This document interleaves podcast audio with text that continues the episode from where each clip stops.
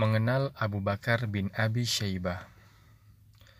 Namanya sebenarnya adalah Abdullah bin Muhammad bin Abi Syaibah Al-Kufi, seorang hafid yang terkenal.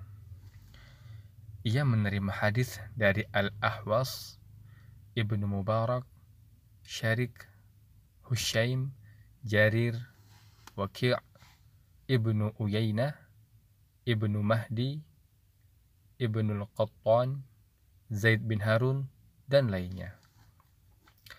Di antara yang menerima hadis daripadanya adalah Al-Bukhari, Muslim, Abu Daud, dan Ibnu Majah. Di antara yang mengeluarkan hadis untuknya dengan perantaraan Ahmad adalah An-Nasa'i, Ahmad bin Hambal, Muhammad ibnu Sa'ad, Abu Zur'ah, Abu Hatim Abdullah bin Ahmad Ibrahim Al-Harbi. Para ulama sepakat bahwa Abu Bakar bin Abi Syaibah seorang yang kuat hafalannya dan dipuji oleh banyak ulama.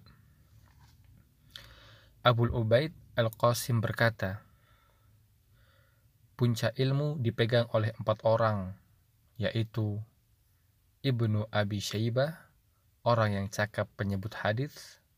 Ahmad adalah orang yang pandai memahami hadis. Yahya orang yang paling banyak mengumpulkan hadis. Dan Ali bin Al-Madini orang yang alim akan hadis. Dan yang paling hafal tatkala ada muzakarah adalah Abu Bakar bin Abi Syaibah. Abu Zur'ah Ar-Razi berkata, belum pernah saya melihat orang yang hafal daripada Abu Bakar bin Abi Syaibah. Ibnu Hibban berkata, Ibnu Abi Syaibah adalah seorang yang hafid, yang sangat kuat hafalannya. Dia salah seorang dari ulama yang menulis hadis, mengumpulkan dan menyusun kitab bermudzakarah.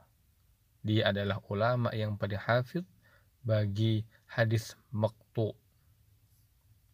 Ia wafat pada tahun 235 Hijriyah.